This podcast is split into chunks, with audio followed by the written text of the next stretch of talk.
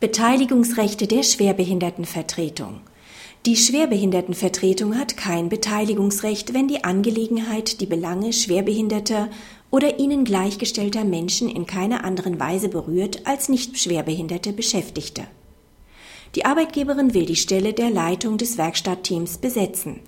Die Schwerbehindertenvertretung wird an den Vorstellungsgesprächen mit zwei nicht schwerbehinderten Bewerbern weder beteiligt noch hiervon unterrichtet.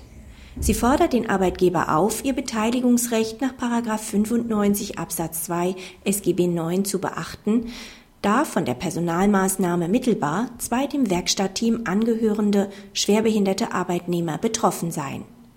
Mit ihrem Feststellungsantrag macht sie geltend, ihr stehe ein Beteiligungsrecht zu, sofern sich eine Maßnahme in irgendeiner Weise auf die Situation schwerbehinderter Menschen auswirke – dies sei bei der Besetzung von Leitungspositionen der Fall.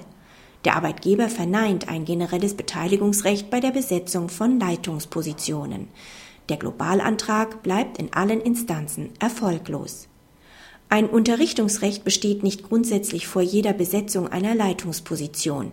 Paragraph 95 Absatz 2 SGB 9 soll eingreifen, sofern sich ein schwerbehinderter Mensch um die Stelle bewirbt oder die Aufgabe besondere schwerbehinderungsspezifische Führungsanforderungen stellt.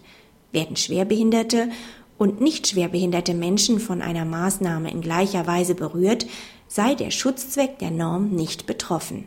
Paragraph 95 Absatz 2 SGB 9 dient dazu, behinderungsspezifische Nachteile auszugleichen und gleiche Teilhabechancen zu eröffnen.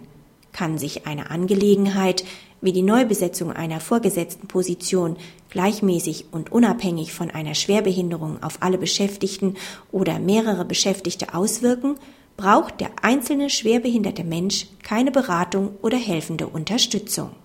Praxishinweis die Benachteiligung anderer Arbeitnehmer durch eine Stellenbesetzung kann nach 99 Absatz 2 Betriebsverfassungsgesetz eine Zustimmungsverweigerung des Betriebsrats rechtfertigen.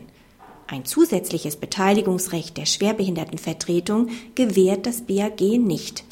Ein Beteiligungsrecht besteht nur, wenn sich eine Maßnahme spezifisch auf Schwerbehinderte oder diesen gleichgestellte Menschen auswirkt dies ist bei einer Stellenbesetzung etwa der Fall, wenn die behindertengerechte Gestaltung von Arbeitsplätzen zu den Aufgaben der Stelle gehört